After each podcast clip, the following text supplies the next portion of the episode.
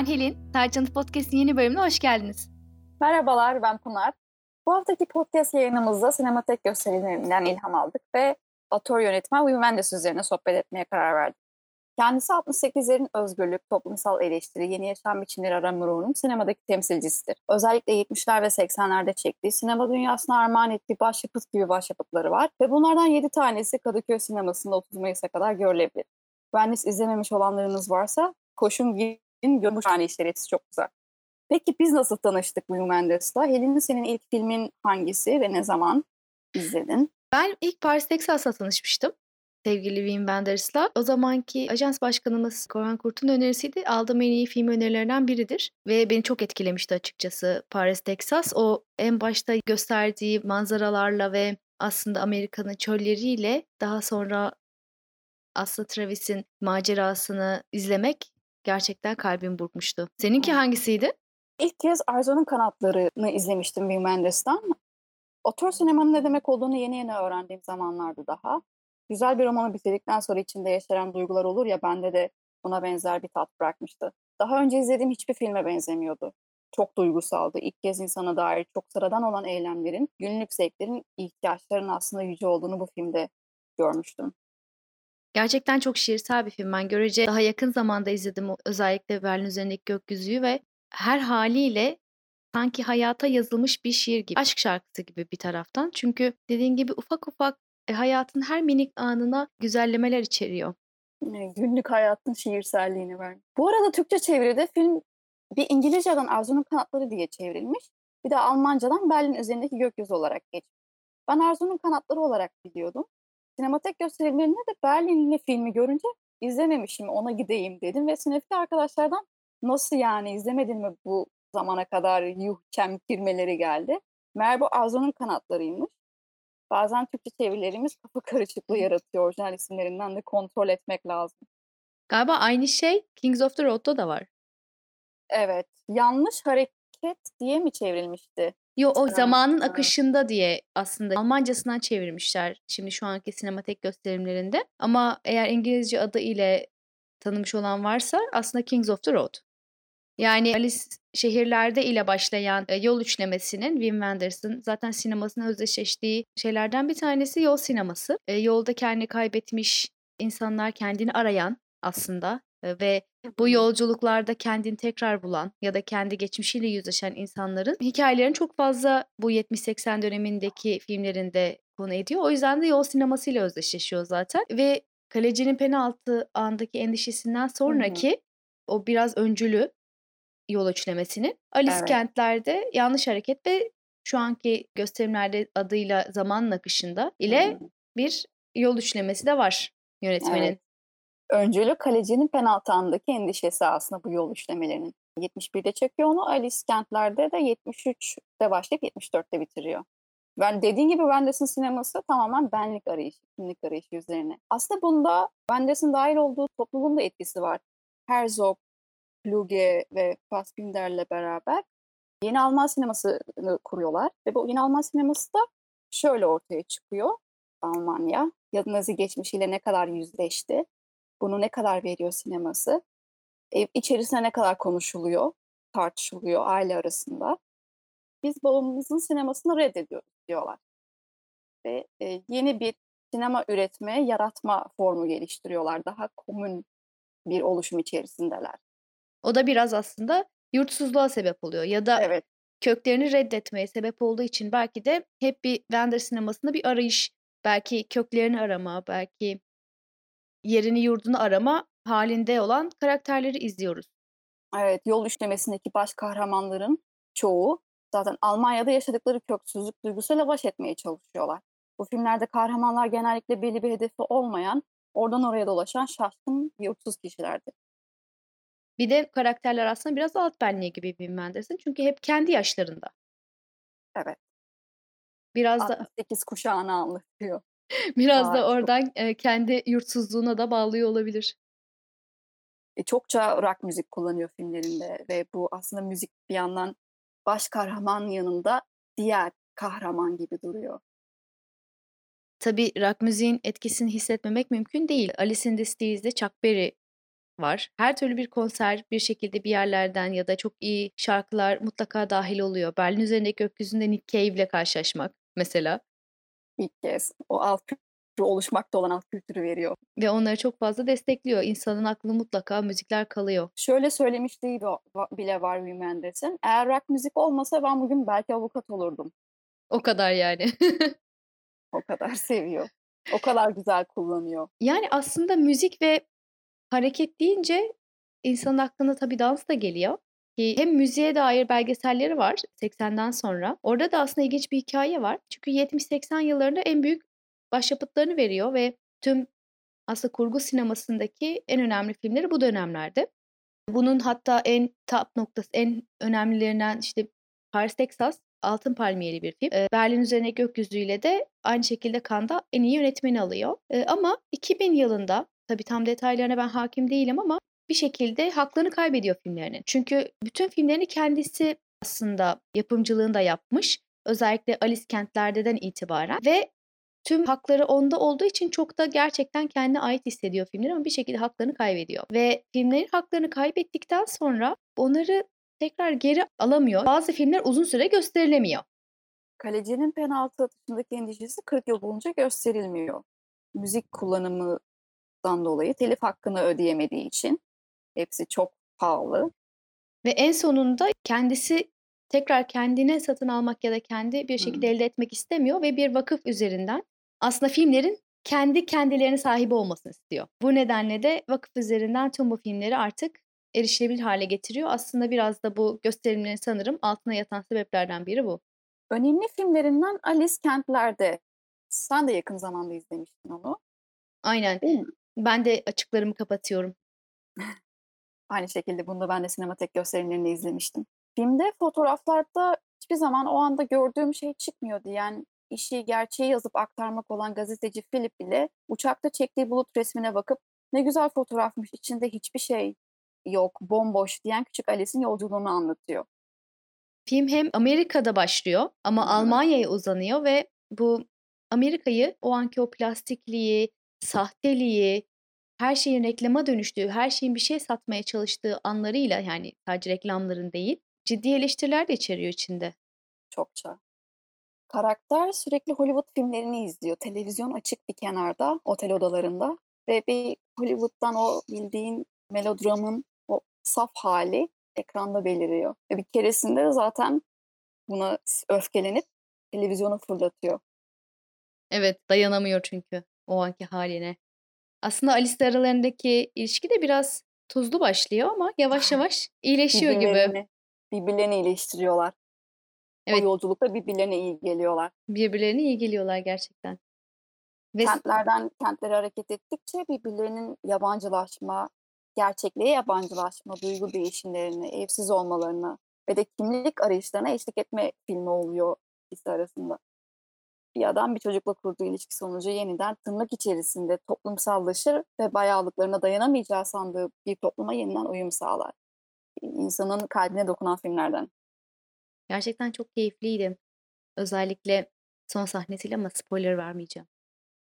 son, son sahnede gerçekten koltuk Üzerinde çakılı kalacaksınız. Çok, Çok. E, keyifli bir film her haliyle. İçerisinde bir depresiflik, bir mutsuzluk hali, ha daha doğrusu çok mutsuzluk demeyeyim de hüzün hakim filme. Ama bir şekilde bu mutsuzluğun içerisinden birbirlerine umutla çıkıyor. Evet, birbirleriyle eğlenmeye başlayabilen ve hayattan o en umutsuz anlarında, en arayışlarında kaybolduklarını düşündükleri anda bile hadi denize gidip yüzelim o zaman diyebilecekleri bir noktaya geliyorlar. O yüzden gerçekten izlemesi keyifli bir filmdi.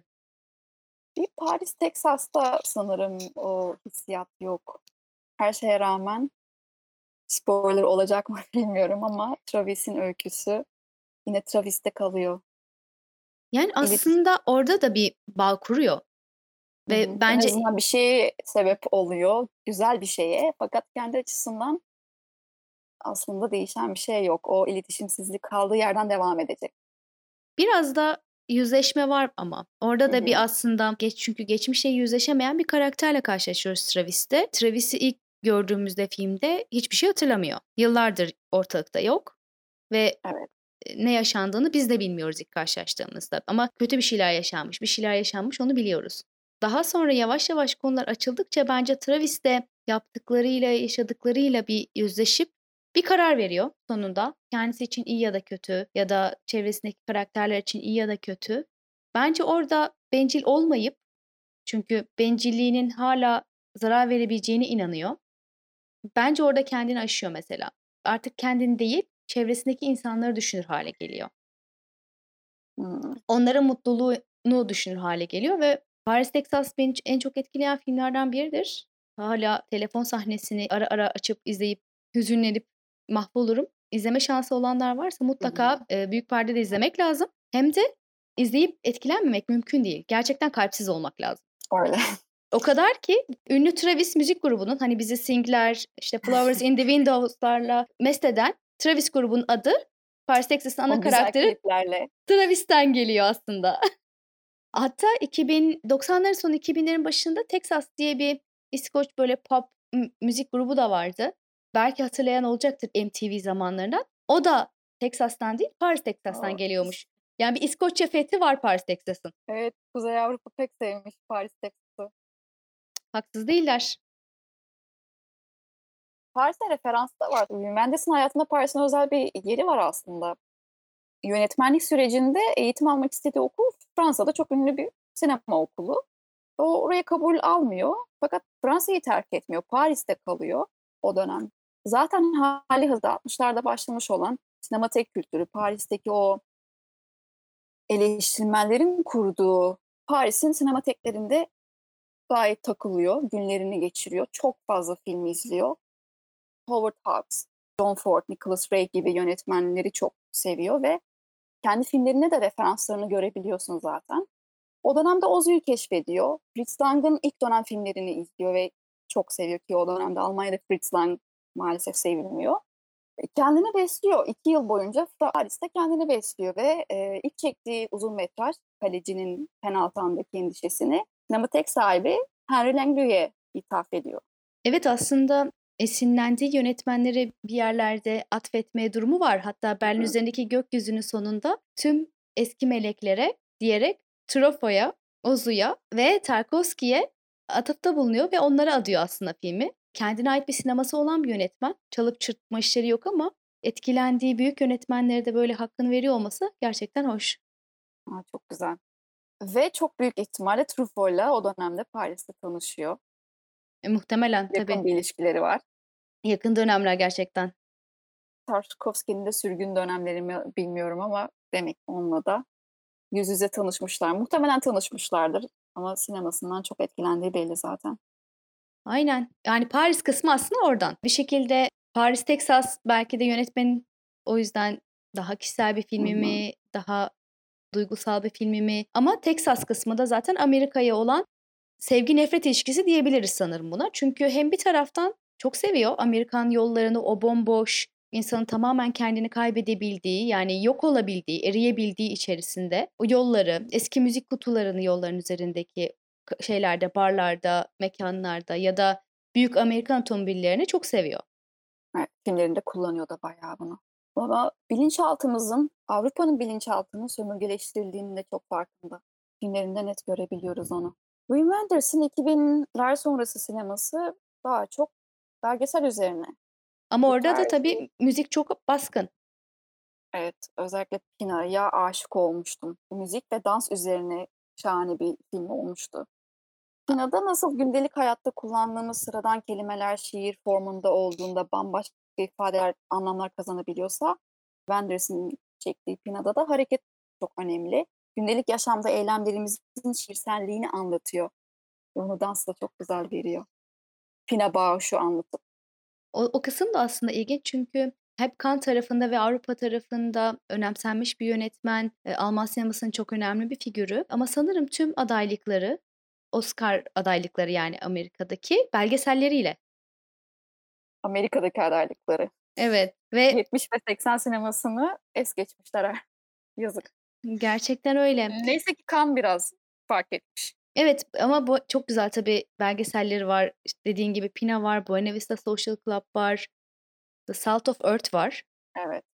Bu gibi harika belgeseller de çekmeye devam ediyor. Biraz daha kurgudan uzaklaştı diyebiliriz. Hala kurgu çekiyor tabii. Hiç çekmiyor değil. Submergence vardı ki benim için hayal kırıklığıydı bir miktar. Her ne kadar hala Wim Wenders kurgu sinemasının etkileri olsa da çok dağınık ve o şiirselliği yeterli seviyede aktaramayan bir film olduğunu hissetmiştim açıkçası.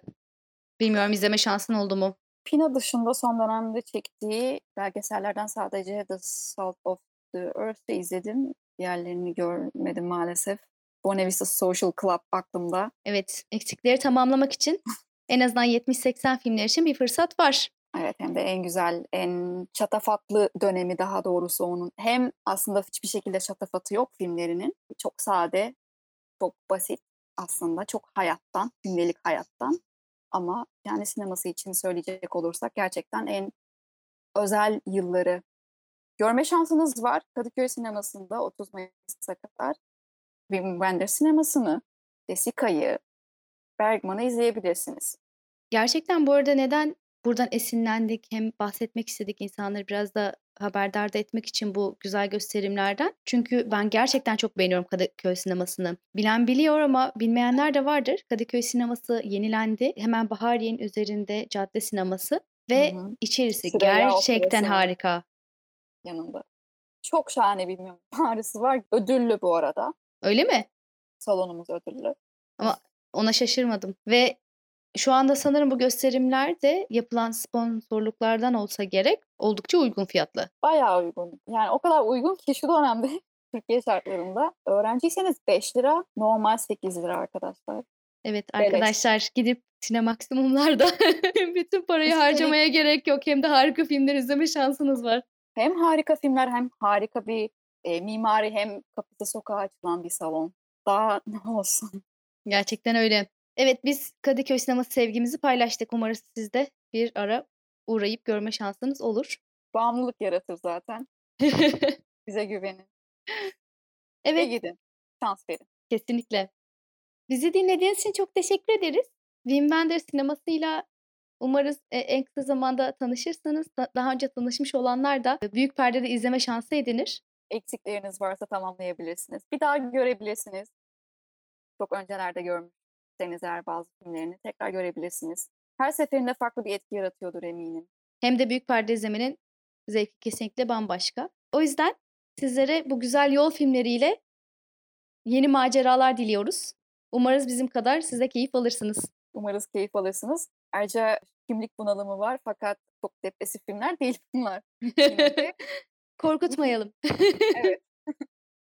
Kesinlikle değiller. Paris, Texas biraz üzücü olabilir ama her dakikasına değiyor. Onda da hafif bir mutlu son var yine de. Evet, diyebiliriz. Kavuşmalar, buluşmalar. evet, bir sonraki podcast'te sizlerle tekrar görüşmek üzere. Biz dinlediğiniz için teşekkür ederiz. Hoşçakalın. Hoşçakalın.